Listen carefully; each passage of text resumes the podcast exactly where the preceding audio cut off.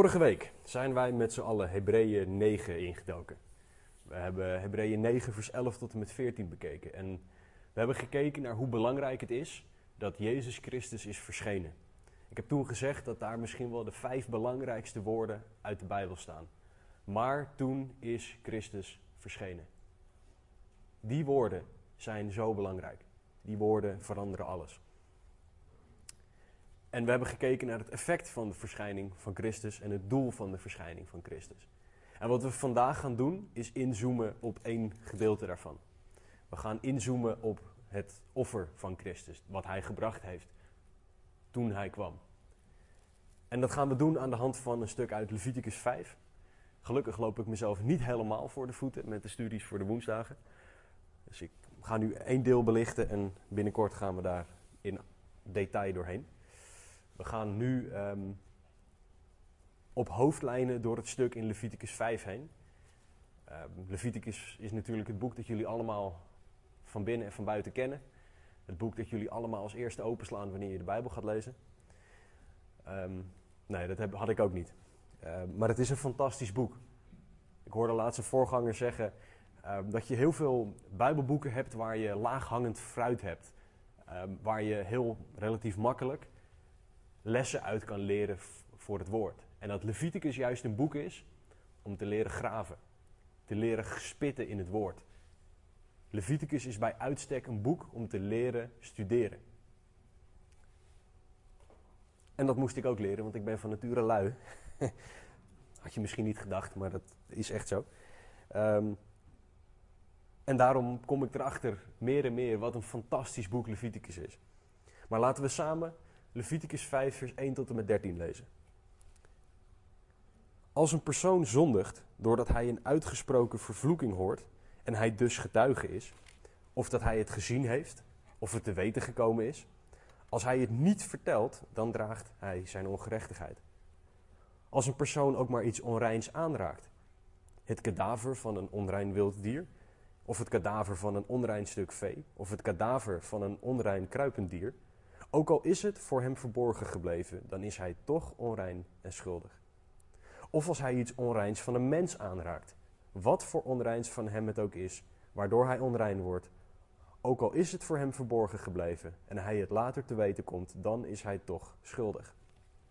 Of als een persoon zweert om iets goeds te doen of iets kwaads, terwijl de woorden ondoordacht over zijn lippen komen, naar alles wat de mens ondoordacht in een eed kan uitspreken, Hoewel het voor hem verborgen is en hij het later te weten komt, dan is hij toch aan een van die woorden schuldig. Het zal gebeuren als iemand aan een van deze dingen schuldig is, dat hij dan moet beleiden waarin hij gezondigd heeft. Hij moet vervolgens al zijn schuldoffer, oh, sorry, hij moet vervolgens als zijn schuldoffer vanwege zijn zonde die hij begaan heeft, aan de Heere een vrouwtje uit het kleinvee brengen, een lam of een geit als zondoffer Pardon, zo zal de priester verzoening voor hem doen vanwege zijn zonde. Maar als zijn vermogen ontoereikend is voor een stuk kleinvee, dan moet hij de Heere zijn schuldoffer brengen voor de zonde die hij begaan heeft, twee tortelduiven of twee jonge duiven. één als zondoffer, één als brandoffer. Hij moet die vervolgens naar de priester brengen, die eerst de ene aanbiedt die voor het zondoffer bestemd is. Hij moet haar kop vlak achter haar nek afknijpen zonder die eraf te trekken. Dan moet hij een deel van het bloed van het zondoffer tegen de zijwand van het altaar sprenkelen, maar de rest van het bloed moet tegen de voet van het altaar uitgedrukt worden. Het is een zondoffer. En de andere moet hij volgens de bepalingen als een brandoffer bereiden. Zo zal de priester verzoening voor hem doen vanwege zijn zonde die hij begaan heeft, en het zal hem vergeven worden. Maar als zijn vermogen ontoereikend is voor twee tortelduiven of twee jonge duiven, dan moet diegene die gezondigd heeft als offergave het tiende deel van een Eva meelbloem als zondoffer brengen. Hij mag er geen olie op doen en er mag ook geen wierook op leggen, want het is een zondoffer.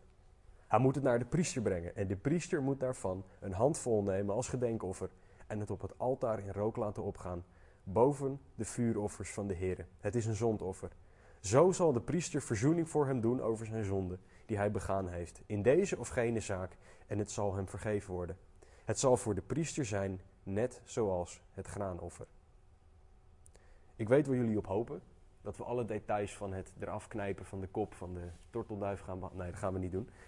Um, we gaan op hoofdlijnen gaan we door dit stuk heen. En ik wil met jullie kijken naar drie onderdelen uit dit stuk. Namelijk, eerste is zonde. Er wordt heel duidelijk ingegaan op zonde.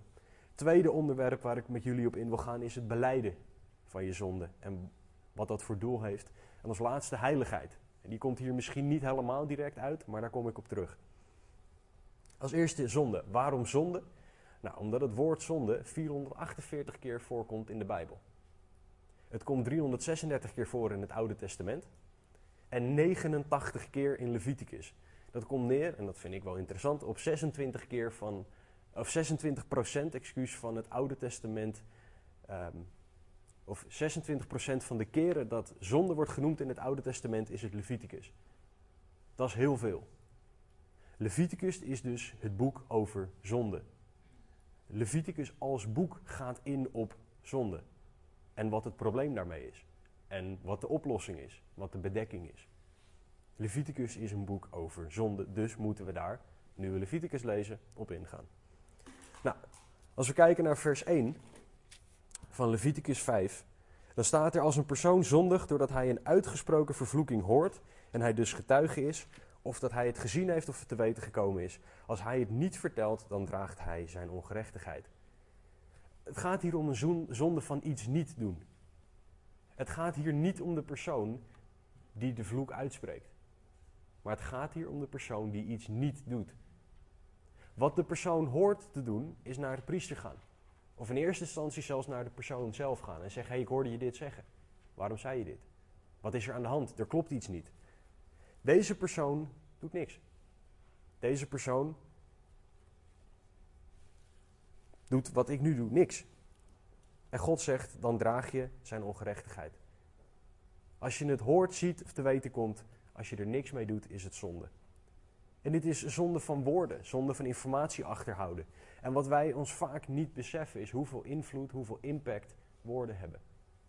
Maar ook, wat doen wij als wij iemand anders zien zondigen? Spreken wij die persoon aan? Of doen wij wat we vaak doen, het bedekken met de mantel der liefde? Het is trouwens helemaal niet bijbels om dat te doen. Galaten 6.1 zegt dat als je een broeder ziet zondigen, dat je de verantwoordelijkheid, dat jij de verantwoordelijkheid hebt om die persoon aan te spreken. God zegt hier in Leviticus 5 hetzelfde. Als jij iemand ziet zondigen, iemand hoort zondigen, is het jouw verantwoordelijkheid om er wat aan te doen om die persoon erop aan te spreken. Als je dat niet doet, zondig je, ben je schuldig. Dan draagt hij zijn ongerechtigheid, zegt het woord. Vers 2. Als een persoon ook maar iets onreins aanraakt, het kadaver van een onrein wild dier, het kadaver van een onrein stuk vee of het kadaver van een onrein kruipend dier, ook al is het voor hem verborgen gebleven, dan is hij toch onrein en schuldig. Is de zonde van iets wel doen. We hadden net de zonde van iets niet doen, nu de zonde van iets wel doen. Je raakt iets aan wat je niet aan mag raken. Je bent onrein en schuldig als resultaat. Dat is nogal wat. Vers 3. Of als hij iets onreins van een mens aanraakt, wat voor onreins van hem het ook is, waardoor hij onrein wordt, ook al is het voor hem verborgen gebleven en hij het later te weten komt, dan is hij toch schuldig. Ja, maar ik wist het niet. Ook al is het voor hem verborgen gebleven, is hij toch schuldig. God is zo duidelijk over zonde. God is zo duidelijk over wanneer iets zonde is. En wanneer we, wanneer we schuldig zijn. Wat het effect is, namelijk onreinheid en schuld. En wat God met deze twee versen ook wil zeggen is, waar kom jij mee in aanraking? Zowel bewust als onbewust. Waar stel jij jezelf aan bloot? Wat beïnvloedt jou? Is dat iets zijn dat zondige dingen of zijn dat goddelijke dingen? Welke series kijk je? Welke films kijk je? Welke muziek luister je? Wat doe je op het internet? Waar hou je je in je gedachten mee bezig? Zijn dat dingen die jou rein houden of dingen die jou onrein maken? Als het iets is wat je onrein maakt, zegt God, dan ben je onrein en schuldig. Vers 4. Of als een persoon zweert om iets goeds te doen of iets kwaad, terwijl hij de woorden ondoordacht over zijn lippen laat komen. Naar alles wat de mens ondoordacht in een eed kan uitspreken, hoewel het voor hem verborgen is en hij het later te weten komt, dan is hij toch aan een van die woorden schuldig. Welke beloftes maken wij? Welke beloftes maken wij en komen we niet na? Hoe vaak zeggen we tegen God: Heer, ik ga meer bidden. Heer, als u dit oplost, dan ga ik meer bidden. Of ga ik meer Bijbel lezen. Of nee, dan ga ik me echt, echt, echt aan u toewijden. Ik weet dat ik het al twee keer eerder gezegd heb, honderd keer eerder gezegd heb, maar nu echt, echt, echt. Nu meen ik het. Hoe vaak zeggen we niet dat we minder gaan zondigen?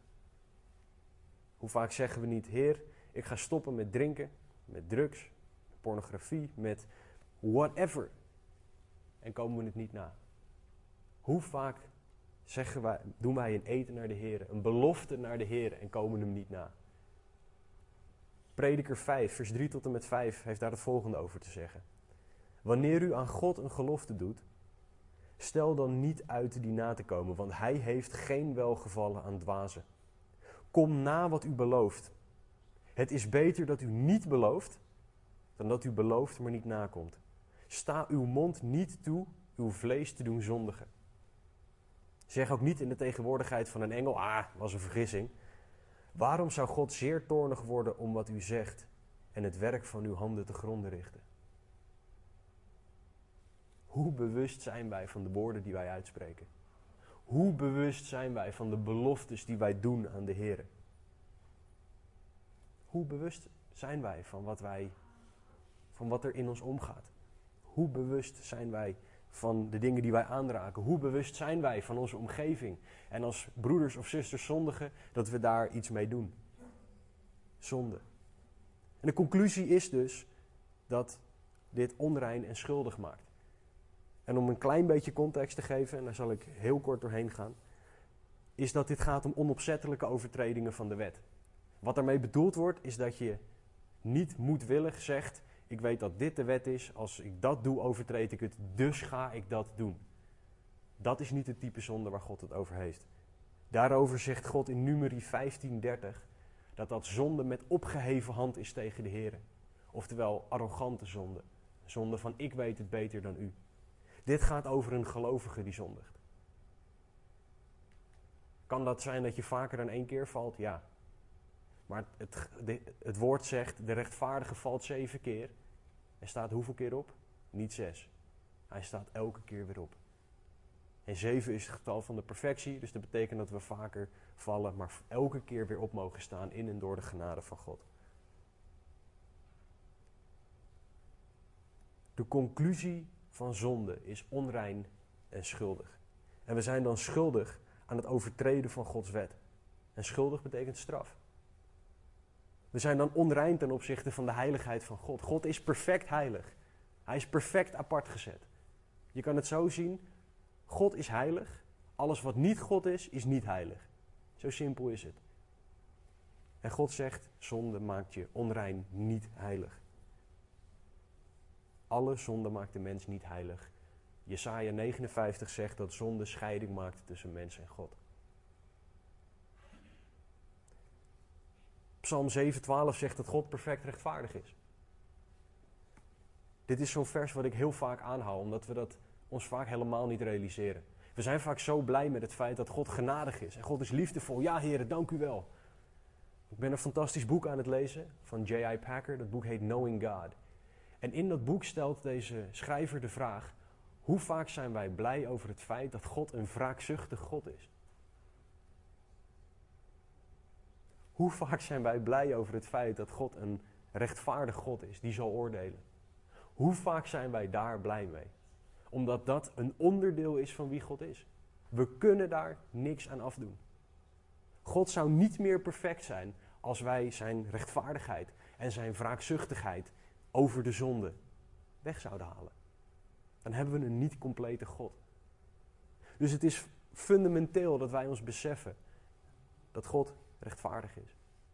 Dat hij, omdat hij rechtvaardig is, moet straffen. Anders is hij niet meer rechtvaardig. Dus God schetst hier de situatie. Als je dit doet, Als je dat doet, en als je dat doet, en als je dat doet, ben je schuldig. Ben je onrein. Gelukkig laat God het daar niet bij, maar hij zegt dat is de situatie. Ja, Romeinen 6:23 zegt dat de straf voor de zonde de dood is. Niks meer, niks minder. Leviticus 17:11 zegt dat alleen bloed zonde kan vergeven, omdat het leven in het bloed is. Zoals ik vorige week ook uitgelegd had, komt dat doordat het leven in het bloed is. Er moet met een leven betaald worden voor de zonde. Dus moet er met bloed betaald worden omdat het bloed in het leven zit. Als die redenering niet helemaal duidelijk is, moet je even na de dienst naar me toe komen. Dan leg ik hem met alle liefde aan je uit. Maar wat dit instelt, is dat er bloed nodig is om zonde te vergeven, oftewel offersysteem. En dat is niet iets wat wij bedacht hebben. Niet dat wij dit lazen en dachten, nou heer, u moet nu echt met een offersysteem komen als oplossing. Maar dit is Gods oplossing. Want God kent de mens. Hij geeft de wet in Exodus 20 tot en met 24. En hij geeft de tabernakel in Exodus 25 tot en met 40. Een plek om God te dienen, maar voornamelijk een plek om weer hersteld te kunnen worden naar God. En wat fantastisch is, is dat we ons mogen beseffen dat Jezus kwam om het perfecte offer voor ons te zijn. En een vraag die ik dan heb wanneer ik zo door die zonde heen lees is: hoeveel zondebesef hebben wij? Hoe vaak zijn wij nog echt compleet van de kaart omdat we zondigen? Hoe vaak zijn wij nog zoals David dat was? Dat, hij zegt, mijn beenderen doen pijn omdat ik gezondigd heb tegen de Heer. Hoe vaak hebben wij dat nog? Zonde wordt zo, er wordt zo makkelijk over gedaan. Ah joh, Jezus is er toch voor gestorven. Jezus is ervoor gestorven voor de zonde. Hij heeft onnoemelijke pijn geleden voor jou en voor mijn zonde. Hoe vaak realiseren wij ons dat nog? Hoe vaak staan we daar nog bij stil? Hoe vaak denken wij er nog over na voordat we zondigen? Want we hebben altijd een keuzemoment, zegt het woord. Hoe vaak staan we er nog bij stil dat er met bloed, Jezus bloed betaald is voor die zonde die je misschien wel gaat doen? Hoe vaak denken we nog na over zonde? Misschien nog wel een vervelendere. Hoe vaak vraag je God om je verborgen zonde te laten zien? In Psalm 19:13 vraagt David om vergeving voor zijn verborgen zonde. Dat hebben wij allemaal nodig, dat God ons onze verborgen zonde laat zien. Een aantal christenen die ik ken die al wat langer door het leven gaan, oud is een woord dat je niet mag zeggen natuurlijk, um, die zeggen dat um, hoe langer je met de Heer wandelt, hoe meer je zondigt. Oftewel dat je meer gaat zien welke dingen je allemaal wel niet doet die zondig zijn. Dat die ene hartsgesteldheid die je hebt, dat die ook zonde blijkt te zijn. En die gedachte die er door jouw hoofd gaat, wanneer je die ene persoon tegenkomt, dat dat ook zonde is. En die vervelende reactie richting je vrouw wanneer ze aan je vraagt of je eventjes dat kleine dingetje kan pakken, dat dat ook zonde is. Daar ben ik zeer schuldig aan. Dat egoïsme dat je in je eigen gedachten hebt, dat dat zonde is. Daar kom je meer en meer achter door het leven heen. Hoe vaak staan we daarbij stil? Hoe vaak staan wij stil bij zonde? Nou, Leviticus 5, vers 1 tot en met 4. Nogmaals, zoals ik zeg, het blijft daar niet bij. Het offersysteem kwam. God geeft de mogelijkheid om terug te komen. Het is niet zo dat God alleen zegt: zonde, klaar. Oordeel. En that's it. Want dan zouden wij er allemaal niet zijn. We hebben de gevleugelde uitspraak in het Nederlands: God straf meteen. Nou, als God dat zou doen, zou deze zaal leeg zijn. God geeft de mogelijkheid om terug te komen. Leviticus 5, vers 5. Het zal gebeuren als iemand, nou het Hebreeuwse zegt wanneer iemand, dus niet conditioneel, niet misschien wel, misschien niet, nee, wanneer iemand dit gedaan heeft. Oftewel, dit gaat gebeuren en dan moet je dit doen. Wanneer iemand aan een van deze dingen schuldig is, dat hij dan moet beleiden waarin hij gezondigd heeft. Leviticus 5, vers 5 tot en met 13 bestaat uit twee onderdelen, twee hoofdonderdelen. Het offeren indien schuldig bestond uit twee delen. Namelijk eerst beleiden. Beleiden waarin je gezondigd hebt. En daarna offeren tot verzoening. Die twee dingen waren er nodig, volgens de Heer, om weer terug te komen nadat je gezondigd hebt. Het eerste is beleiden waarin iemand gezondigd heeft, zoals vers 5 ook zegt. En Van Dalen noemt beleiden iets bekennen waarover men zich moet schamen. Vond ik wel een leuke definitie. Iets bekennen waarover je je moet schamen. We horen allemaal ons te schamen voor onze zonde. Hoe vaak doen we dat nog? De wereld om ons heen verheerlijkt zonde. Als je kijkt naar tv-series, bijvoorbeeld neem de tv-serie Suits. Een kerel die bizar slim is, die geen opleiding heeft, maar wel advocaat gaat zijn en gaat zeggen dat hij advocaat is. En dat wordt helemaal verheerlijkt. En we hopen met z'n allen dat hij het redt. En dat hij, dat hij een nieuwe leugen kan verzinnen om eronder uit te komen. En dat hij een nieuwe manier kan verzinnen om toch. Hij liegt en hij liegt en hij liegt. En daar, dat vinden we leuk. Mensen die iets stelen. The Italian Job. Fantastische film. Maar ze stelen iets. En dat wordt verheerlijkt. Dat is wat de wereld aan ons laat zien. En om dan je nog te schamen voor zonde, dan moet je je echt verdiepen in het woord en moet het woord moet je veranderen. Dan moet het woord moet je denken veranderen. Moet je niet beïnvloed worden. Niet verontreinigd worden door de wereld, maar juist geheiligd worden door God. Wat, wat is beleiden dan? Wat betekent het praktisch? Nou, het is niet opnoemen wat je gedaan hebt. Ook al klinkt dat, dat klinkt misschien stom, maar het is een onderdeel ervan. Het is niet alleen opnoemen wat je gedaan hebt. Beleiden is ook niet een soort magische spreuk voor vergeving. Beleiden is ook niet een soort manier om van een bezwaard geweten af te komen. Als dat je doel is met beleiden, sla je de plank mis. Als dat het enige doel voor jou is met het beleiden van je zonde, dan heb je niet door wat Bijbels beleiden is. Beleiden van zonde is afgezwakt ook door de eeuwen heen. Doordat je je zonde mocht beleiden bij een priester in de Rooms-Katholieke Kerk in zo'n hokje. Ik heb niks tegen beleiden van je zonde tegen iemand, dat is heel bijbels. Alleen de manier waarop dat gebeurde is totaal niet bijbels. Wat een cru, maar duidelijk voorbeeld is dat het woord ons geeft om aan te geven wat beleiden niet is, is Matthäus 27, vers 3 tot en met 5. Um, ehm, ik zal er niet naartoe bladeren omdat André de tekst niet heeft, maar waar het op neerkomt is dat Judas Jezus verkocht heeft voor 30 zilverstukken. En Judas komt erachter wat hij gedaan heeft. En dan staat er, Judas had berouw. Judas zegt letterlijk tegen de hoge priesters, ik heb gezondigd. En twee versen verderop hangt hij zichzelf op. Judas had berouw. Judas beleed zijn zonde. En toch ging hij zichzelf op. En ik denk dat we met zekerheid kunnen zeggen dat we hem niet in de hemel zien. Kan ik niet hard maken, want ik oordeel niet. Maar hij had berouw, beleed zijn zonde en hing zichzelf op. Wat, wat gaat er mis? Er mist iets. Het doel van beleiden van zonde is bijbelse bekering. Bla, blader alsjeblieft met mij mee naar Handelingen 26. Gaan we één vers lezen daaruit. Handelingen 26, vers 20.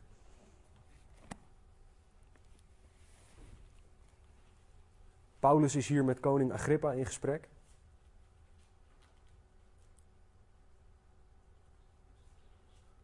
En Paulus zegt hier in Handelingen 26:20: Ik heb eerst aan hen die in Damascus en in Jeruzalem en in heel het land van Judea woonden, en later aan de heidenen verkondigd dat zij tot inkeer moesten komen, zich tot God bekeren en werken doen in die in overeenstemming zijn met de bekering.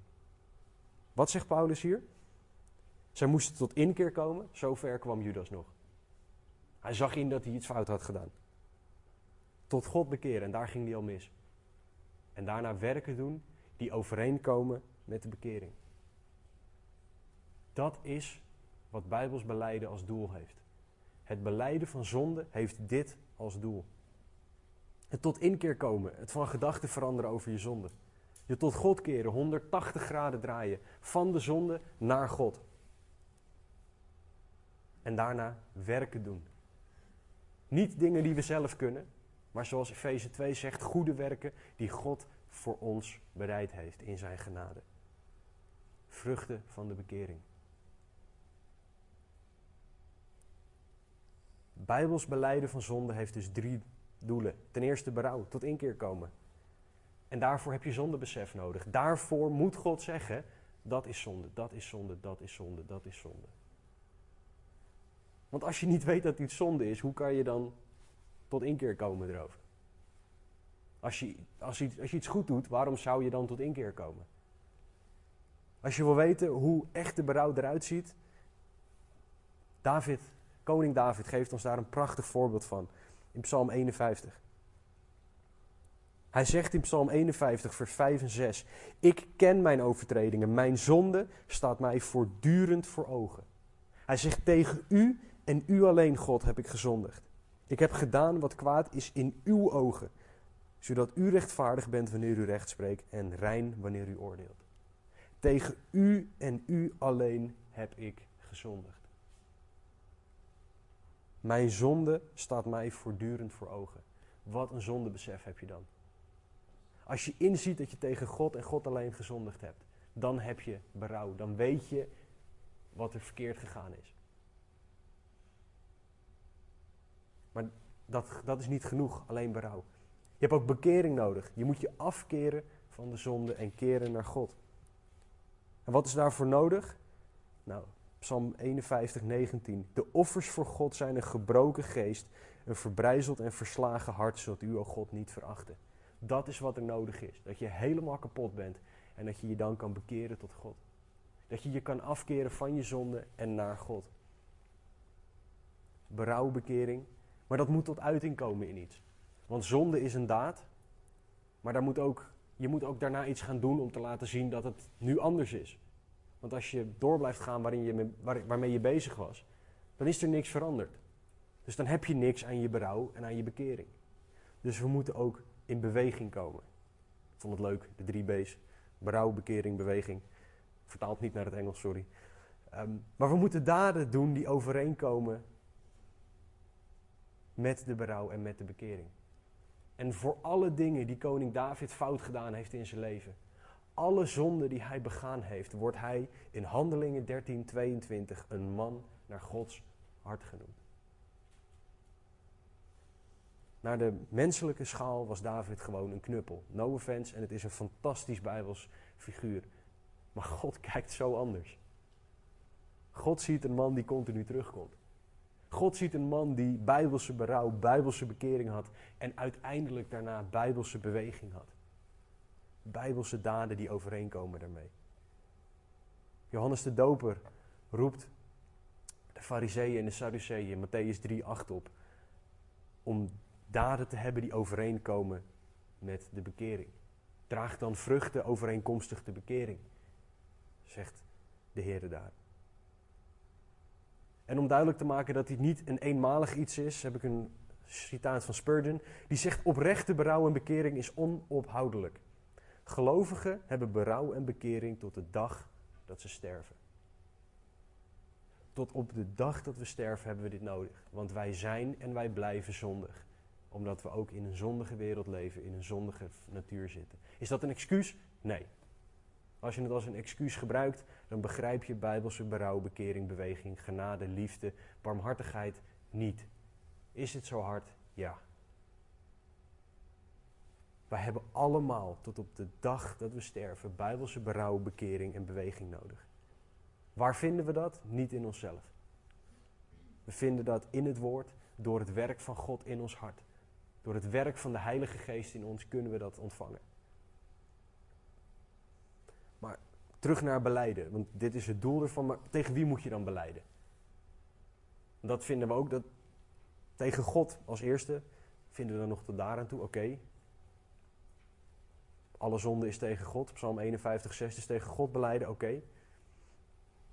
De persoon tegen wie je gezondigd hebt, nee, die willen we niet. Matthäus 5, 23, 24, als je bij het altaar staat en je bedenkt dat jouw broeder nog iets tegen jou heeft, omdat jij iets tegen die broeder gedaan hebt, laat je je offer achter en jij gaat het goed maken. Tegen wie moet je beleiden? Tegen je man of je vrouw? Je bent samen één, zegt het woord. Ik las gisteren nog een artikel waar, ehm, op GodQuestions.org, fantastische site. En iemand had daar de vraag gesteld: als een man valt in de zonde van pornografie, moet hij het dan tegen zijn vrouw zeggen? Nou, als man is het heel fijn als hij daar had gestaan. Nee, dat hoeft niet. Maar je bent samen één. Dus de zonde die ik als man bega, heeft impact op mijn vrouw. En dit is één specifiek voorbeeld en zo zijn er legio voorbeelden. Maar als ik zondig, betrek ik de mensen om mij heen erbij. Zonde heeft impact op anderen. En daarom moet ik als man mijn zonde ook beleiden tegen mijn vrouw. En om het nog erger te maken, nog erger, zegt Jacobus 5:16 dat wij onze zonde moeten beleiden tegen medechristenen. Dus dan moet ik naar die enge personen met wie we op zondag samenkomen, of misschien op woensdag. Dan moet ik iemand apart nemen, moet ik met hem in gesprek gaan of met haar. En dan moet ik zeggen, broer, zus, ik, ik, ik heb gezondigd. Ik heb gelogen. Ik heb gestolen. Ik heb welke zonde het ook is. Ja, dat moet. En wat dat vereist van de broeder tegen wie er beleden wordt, is dat je niet oordeelt. Dat je niet zegt, wat ben jij een zondaar? Wat ben jij slecht zeg? Als je, als je dat doet, wat, wat, wat krijg je dan? Nou, dan wil niemand ooit meer zonde beleiden. Dat is niet hoe Christus reageert. We moeten in liefde daarmee omgaan. Maar hoe vaak doen wij dat? Hoe vaak gaan wij naar een broeder of zuster toe en beleiden de zonde die wij begaan hebben? Waarom zou je het überhaupt doen? Nou, dat is om elkaar accountable te houden, rekenschap te laten afleggen, elkaar scherp te kunnen houden. Dat je in liefde kan vragen: hé hey broer, hoe gaat het? Dat je een appje kan sturen. Hé, hey, um, ik bid voor je. Kan, hoe gaat het ermee? Hoe vaak doen wij dat? Hoe vaak beleiden wij zonde? En zonde beleiden is niet iets zeggen als, nou heer, ik heb gezondigd. Dat is een begin, dat is je eerste zin. En daarna zeg je, en ik heb gedaan X, Y, Z. Het is man en paard noemen. Het is benoemen wat je gedaan hebt. Zo vaak doen wij dat niet. En dat is dus niet alleen tegen God, maar dat is dus tegen de persoon tegen wie je gezondigd hebt. Dat ik naar Taco toe ga en dat ik zeg: Taco, ik heb, ik heb verkeerd over jou gedacht. Vergeef mij alsjeblieft. Ik heb negatieve gedachten over jou gehad. Vergeef mij alsjeblieft. Zeg Taco? Dat wordt een lang gesprek, dat weet ik. Dank je Taco. Ben ik helemaal uit de, uit de groove. Heerlijk. Nee, maar ook als je tegen je man of je vrouw zondigt. En bedoel, je hoeft niet alle details te geven. Zeker niet als je bijvoorbeeld als man vertelt over dingen die je op het internet gezien hebt. Ik denk niet dat de ander zit te wachten op de details van wat je gezien hebt. Maar dat je wel zegt tegen je vrouw, tegen je partner: Ik heb gezondigd tegen jou en tegen God. Ik heb op het internet dit en dit gedaan. En dat heeft tot dat en dat geleid.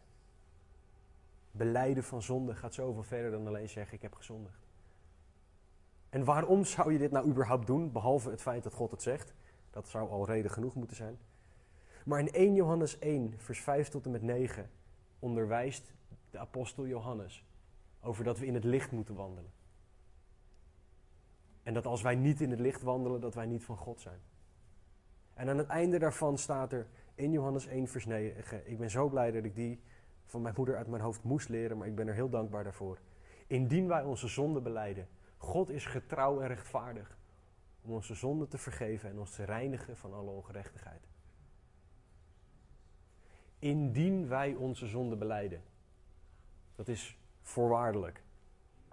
Als wij onze zonde beleiden, dan zal God vergeven. Dus waarom beleiden wij zonde? Om in het licht te wandelen.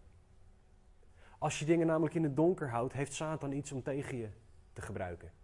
Dan zegt hij, ah, dat vieze gedoe van jou.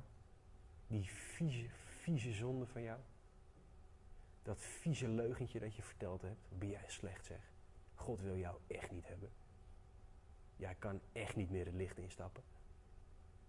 Ja, dat moet je niet doen, want dan zou iedereen het zien. Wat zullen ze wel niet van je denken? Dat soort dingen gaat hij tegen je zeggen. En als je het in het licht brengt, als je het bij de Heer brengt, bij mede, broeders, zusters, dan is het in het licht. Ga je tegen Satan zeggen, het is al bij de Heer, de Heer heeft het al vergeven. Het is al bij broeders en zusters, er wordt voor me gebeden, je hebt niks om me op aan te klagen. Het ligt bij de Heer.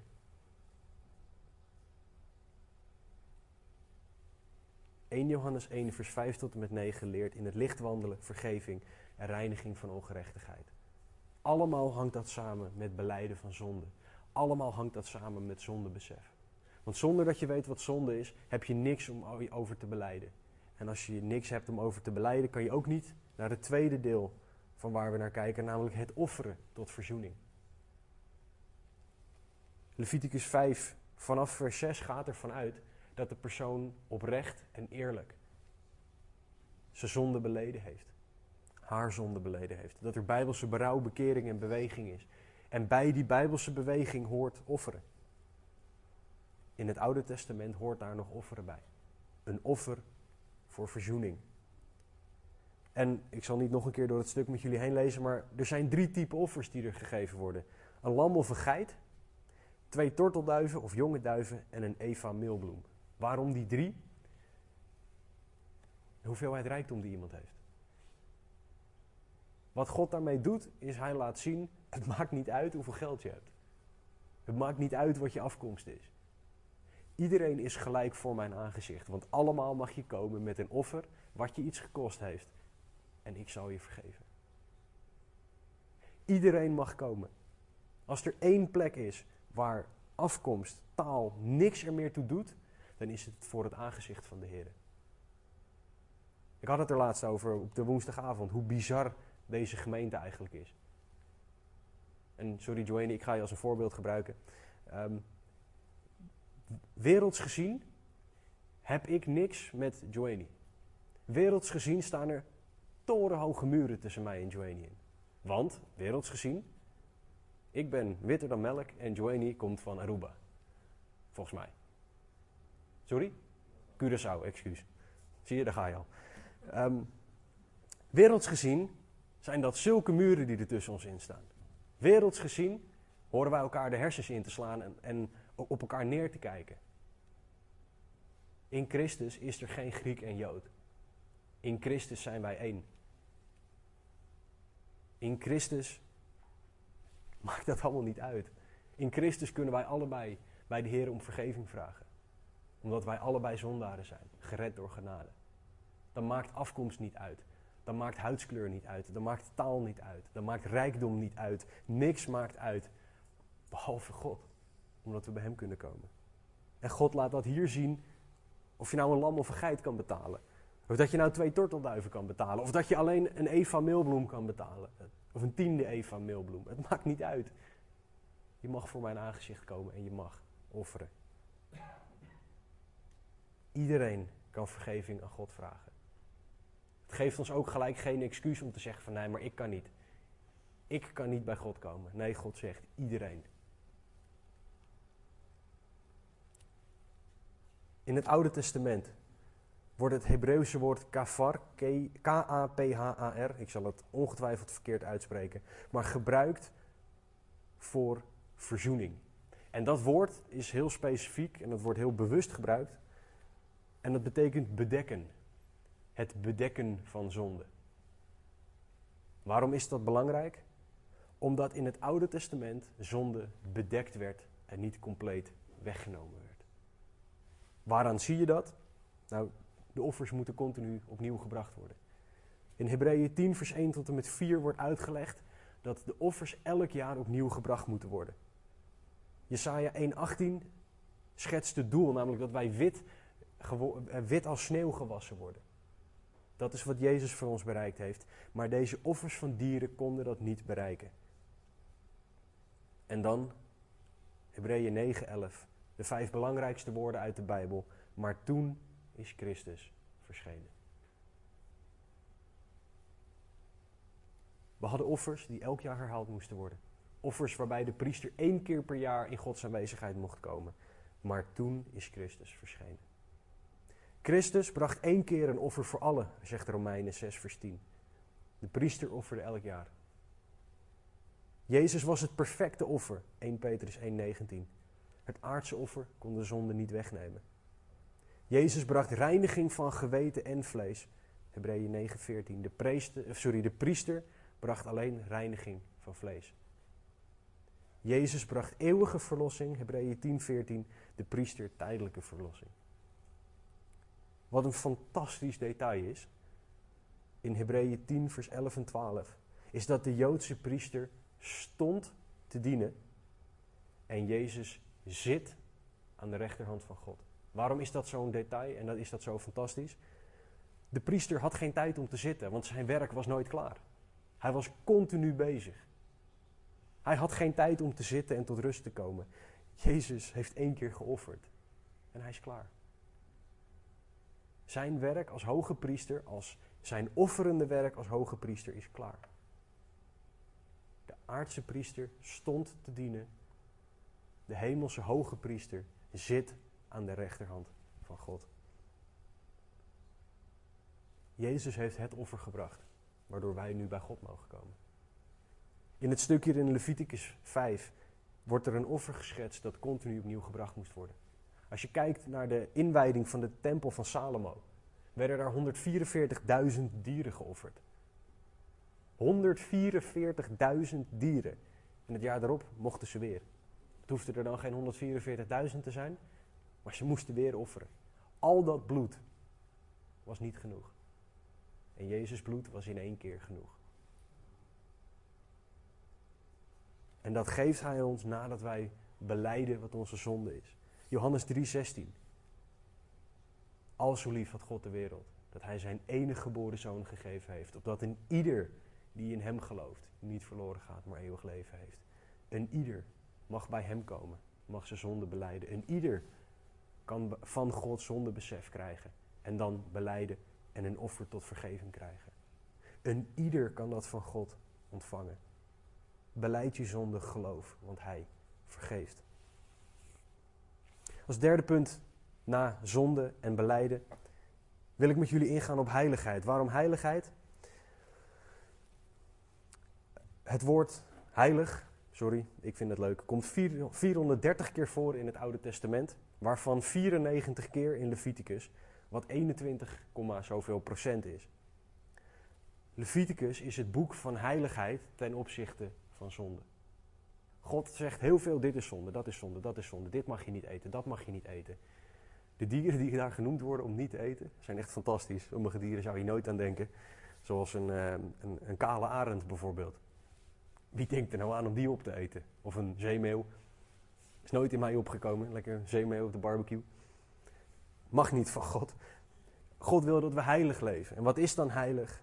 Apart gezet. Leviticus 19:2, een van de sleutelversen van Leviticus, zegt: Heilig moet u zijn, want ik, de Heere uw God, ben heilig. Dat is het doel van God met zijn volk. Heiligheid. Dat is het doel van alle regels, het doel van alle wetten, heiligheid. En in 1 Petrus 1:16 wordt dat herhaald, mocht je denken dat dat een oud-testamentische opdracht is. 1 Petrus 1:16 zegt hetzelfde, wees heilig, want de Heer uw God zegt, ik ben heilig. Maar wat, wat, wat is dat dan nou? Nogmaals, heilig is apart gezet. God is heilig. Alles wat niet God is, is niet heilig. En zonde is niet heilig. Dus God zegt: Ik wil dat je heilig bent. En alleen God is heilig. Dan wil God dus per definitie het onmogelijke van ons. Want wij als mensen zijn niet God. En wij kunnen dus ook dan niet heilig zijn, omdat alleen God heilig is. Dus hoe, hoe moeten wij als gevallen zondige mensen heilig zijn? Ook God ook gelukkig geeft God daar de oplossing voor. 1 Thessalonicense 5:23. En mogen de God van de vrede zelf, uw geheel en al heilige, en mogen uw geheel oprechte geest, de ziel en het lichaam onberispelijk bewaard worden bij de komst van onze Heer Jezus Christus. Mogen de God van de vrede zelf uw geheel en al heiligen. Het is Gods werk, niet ons werk. Wij kunnen het niet verdienen, we kunnen het nooit doen. We zullen altijd tekortschieten. Bij de NCOI, LOI, hebben ze een reclame waarbij er gevraagd wordt: hoe hoog leg jij de lat? Een van die leerinstellingen. Als ze dat aan God zouden vragen, God legt de lat zoveel hoger. Onbereikbaar hoog voor ons. En toch zegt God: Ik wil dat je heilig bent. En hij zegt: Weet je hoe? Mogen hij zelf uw geheel en al heiligen. Maar wat betekent dat nou praktisch? Heilig. Het is zo'n woord dat we gebruiken. Ja, heilig leven. Je moet in heiligheid wandelen. Wat betekent het nou? Nou, een van de sleutelversen van OIC is ook Johannes 17, 17. Heilig hen door uw waarheid, uw woord is waarheid. En OIC gaat voornamelijk in op het tweede gedeelte, uw woord is waarheid en dat dat genoeg is. Maar ik wil nu kort ingaan, heilig hen door uw waarheid. Wij moeten geheiligd worden door de waarheid van God. En de waarheid van God? Het woord. Daardoor moeten wij geheiligd worden. Het woord van God moet in ons komen en dat moet ons heiligen. En hoe krijg je dat in je? Revolutionair, maar lees je Bijbel, bid elke dag. Het is zo'n kinderliedje. Lees je Bijbel, bid elke dag dat je groeien mag. Dat wordt ook uitgezonden natuurlijk dat ik uh, gezongen heb. Um, maar het, het, gaat erom dat we onze Bijbel moeten lezen. Thanks man. Het gaat erom dat wij moeten lezen. Wij moeten studeren, wij moeten graven, wij moeten nooit genoegen nemen met het beetje dat we weten. Maar altijd uitstrekken naar meer. Er is altijd meer. Johannes 1 vers 1 zegt, in, het, in den beginnen was het woord. Het woord was bij God en het woord was God. Wat dat zegt, is dat God zijn woord is. Dus wanneer we zijn woord lezen, lezen wij God. Wat dat zegt, is dat God oneindig is en dat zijn woord dus oneindig is. Wat dat zegt, is dat als jij het van voor naar achter uitgelezen hebt en dat je denkt, ik vat het allemaal, dat je compleet overnieuw kan beginnen. En dat je allemaal nieuwe dingen eruit zal halen, omdat God oneindig is. De Joodse rabbijnen hebben gezegd dat er 70 lagen in de Torah zitten. Nou, ik hoop dat wij met z'n allen die 70 lagen mogen uitdiepen. Maar ze hebben ongelijk. Want God is zijn woord, dus zijn er oneindig veel lagen diepte in het woord. Ook in de Torah, ook in Leviticus, dat bloedige boek. Wij moeten het woord van God rijkelijk in ons laten wonen, zodat wij daardoor geheiligd kunnen worden. Waarom het woord van God? Omdat dat heiligt. In Haggai 2, vers 13 en 14, ik zal je niet vragen om er naartoe te bladeren, maar vraagt God een retorische vraag aan de priesters. Als je een stuk heilig vlees hebt, en dat raakt iets onreins aan, wat gebeurt er dan? Wordt het heilige vlees, wordt dat onrein of wordt het onreine, wordt dat opeens rein? Het heilige vlees wordt onrein op het moment dat het iets onreins aanraakt. Dat principe moeten wij in onze gedachten houden. Wij moeten ons vullen met reine en heilige dingen. Ons hart moet overstromen van dingen die rein, heilig, puur zijn. Ons hart moet overstromen van God. En hoe doen we dat? Lees je Bijbel. Bid elke dag. Spurgeon zegt: berouw en bekering en verlangen naar heiligheid kunnen niet gescheiden worden. Nog een keer. Berouw en bekering en verlangen naar heiligheid kunnen niet gescheiden worden. Als je dus iemand hebt en die zegt, ja, ik heb berouw en ik heb bekering van de Heer gekregen, maar meer heilig worden, meer worden als God, waarom zou ik dat nou willen? Ik ben wel blij met deze zonde eigenlijk. Ik vind het wel lekker, lekker comfortabel. Het soort van de zonde die ik in mijn achterzak hou. Daar waar niemand aan hoeft te komen, dat is wel goed zo. Dat kan niet. Berouw en bekering horen te leiden naar een dieper verlangen. Of horen een dieper verlangen naar heiligheid met zich mee te brengen. Een diepere haat van zonde. Wij, we zeggen wel eens, ja dat haat ik man, als mensen dat doen. Wij mogen één ding in deze wereld haten, zegt het woord. Zonde. Eén ding, zonde. Berouw en bekering horen bij ons een dieper verlangen naar God teweeg te brengen. Een dieper verlangen om God op plek 1 te zetten. Een dieper verlangen om Hem beter te leren kennen, Hem te eren, ons leven over te geven, etc. etc. Meer te worden als Christus is het doel. En heiligheid komt naar voren in je willen, je denken en je doen. Dus wat zijn je verlangens? Wat wil jij? Wat zijn de dingen waar jij naar verlangt? Dat als mensen vragen, waar kan ik je s'nachts voor wakker maken? Dat zijn de dingen waar je naar verlangt. Wil jij de wil van God? Het woord zegt dat als wij bidden naar Gods wil, dat we zullen krijgen waarom we vragen. Maar als je wil bidden naar Gods wil, moet je wel zijn wil weten. En hoe weet je zijn wil? Door zijn woord te lezen. Wat zijn je gedachten? Denk jij dingen die van God zijn? Ik heb het nu niet over gedachten die de Satan in je legt. Als mannen weten we meer dan goed dat je bezig kan zijn met iets en dat je dan opeens een stroom gedachten in je hoofd krijgt dat je denkt, waar komt dit vandaan? Allemaal vunzige, rare gedachten die opeens in je hoofd gezet worden. Over die gedachten heb ik het niet. Daar moet je tegen strijden. Dat moet je niet toelaten. Maar wat zijn jouw gedachten? Waar ben jij de hele dag mee bezig? Waar denk jij bewust over na? En als laatste, wat zijn jouw daden? Doe jij dingen die heilig zijn? Spreek jij woorden die heilig zijn? Doe jij dingen die eeuwigheidswaarde hebben?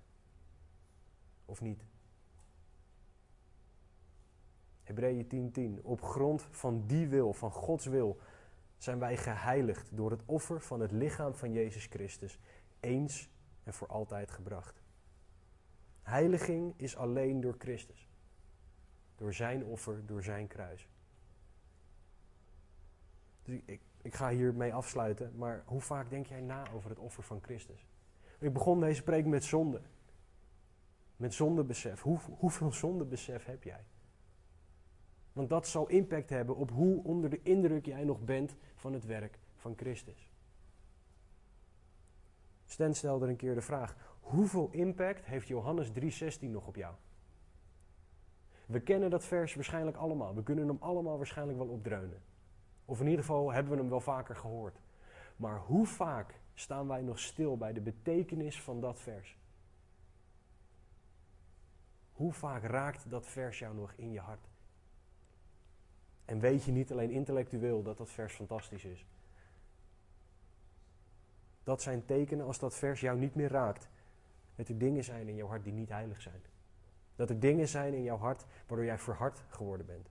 Dat jouw hart niet meer vol vuur en vlam is richting God. Waarom moest het offer in brand opgaan? Omdat dat offer dan in vuur, letterlijk in vuur en vlam stond voor God. En dat is wat wij moeten zijn vol vuur voor God. Hoe heilig, hoe apart gezet is jouw leven voor God? We hebben Leviticus 5, vers 1 tot en met 13 gelezen. We hebben gelezen over zonde. We hebben gelezen over beleiden van zonde. We hebben gelezen over offeren. We hebben daarna gekeken naar het doel van die dingen, namelijk heiligheid. Wat kan jij hiermee nou als eerste ik weet, want ik heb vaker een preek als deze gehoord, dat iemand hem op mij afstuurde. Welke zonde spreekt God jou op dit moment op aan? Welke zonde brengt God nu in jouw gedachten, wat jij af moet leggen? Dat is iets waar je van moet bekeren. Dan moet je je daarvoor afvragen: is Jezus al de Heer van mijn leven? Is Jezus al degene die mijn leven stuurt? Is Hij de Heer en Verlosser van mijn leven? Zo nee, Neem hem aan. Zo ja, misschien ben je afgegleden, misschien ben je weggelopen, misschien heb je God al tijden niet meer de aandacht gegeven die hij verdient. Onderwerp jezelf opnieuw aan hem. Als tweede beleid je zonde aan hem. Als God je ergens op aanspreekt, beleid die zonde. Laat het niet sudderen, laat het niet zitten. Maar ga direct op je knieën. Als je op je werk zit of in de auto is het lastig om direct op je knieën te gaan, maar dan kan je ook bidden. Je kan bidden. Heere, vergeef mij. Ik heb gezondigd. En dan opnoemen wat je gedaan hebt. Beleid dat je hem nodig hebt. Vraag hem om bijbelse berouw en bekering. Zodat je daarna bijbels mag bewegen, bijbels mag handelen. En als laatste, hoe heilig is jouw leven? Hoe heilig ben jij? en niet heilige boontjes. Hoe heilig ben jij? Wat in jouw leven, welke keuzes halen God standaard niet? Dat mag je beleiden, daar mag je vergeving voor vragen, mag je berouw en bekering voor vragen en je leven opnieuw aan Hem toewijden. En dit klinkt misschien als een hele zware, zwaarmoedige, zondegerichte preek. Dit is juist genade. Dit is gericht op Gods genade, want we mogen dit alleen door Zijn genade doen. God is zo lief dat Hij zegt: Dit is zonde. En dat is het probleem. En dit is de oplossing. Tuurlijk, God wijst ons op zonde omdat Hij van ons houdt. Hij wil niet dat mensen de keuze maken om naar de hel te gaan. Hij wil dat wij de keuze maken om Hem te dienen, om Hem te eren, om heilig te zijn voor Hem. Dus kijk naar het kruis. Kijk naar het kruis waar Jezus zijn bloed gaf. Vol genade, vol liefde voor jou en voor mij. Wat een genade is het dat Hij ons met open armen ontvangt. Waarom hing Jezus aan een kruis? Omdat hij daarmee laat zien: ik sta met open armen op je te wachten. Open armen.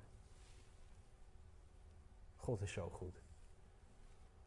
Hij laat zien wat zonde is. Hij vertelt dat we zondig zijn. Geeft het perfecte offer. We mogen dat in en door zijn genade aangeven. Of uh, aannemen, excuus. Hij geeft ons dan goede werken om te doen. En hij beloont ons dan met eeuwig leven. Waardoor we eeuwig van zijn genade mogen genieten. Die genade zullen wij nooit snappen. Die genade hebben wij allemaal nodig deze ochtend. Die genade heb ik nodig. Begrijp me niet verkeerd. Ik sta hier niet om jullie iets te vertellen wat ik allemaal al bereikt heb. Ik heb die genade zo hard nodig. Als je het precies wil weten, vraag maar aan mevrouw. Anders kan ik zelf ook genoeg details geven. Wat een God dienen wij. Wat een genade. Laten we bidden. Heere God, dank u wel. Dank u, Heer, voor wie u bent. Heer, wat een voorrecht, Heer, om u te dienen. Wat een voorrecht dat u uw woord gegeven hebt. Heer, dank u wel dat u duidelijk maakt in uw woord wat het probleem is. Dank u wel, Heer, dat u duidelijk maakt wat de oplossing is. Dank u wel, Heer, dat u altijd eerlijk bent. Dat u altijd duidelijk maakt wat de situatie is, wat de gevolgen zijn en wat de oplossing is. Heer, uw naam zij geprezen. Heer, spreek tot een ieder van ons. Heer, u weet precies wat een ieder van ons nodig heeft. Heer, wat de plekken zijn waarop wij aangesproken moeten worden.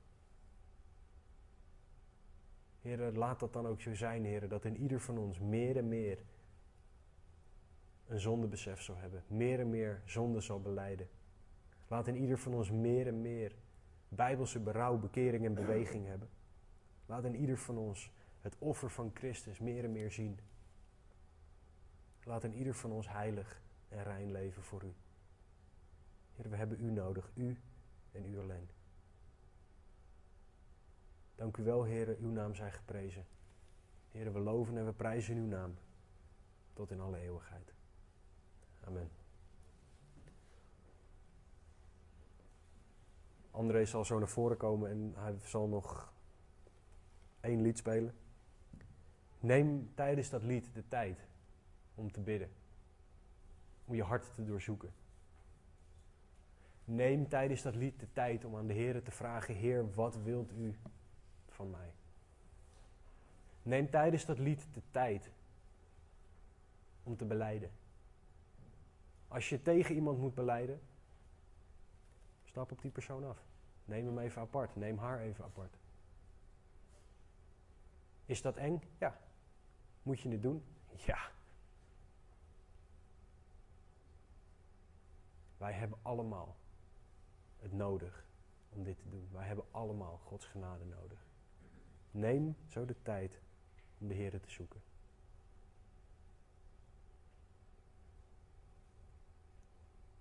Neem de tijd om te doen wat deze preek zegt. Niet om wat ik gezegd heb, maar om wat God zegt. André.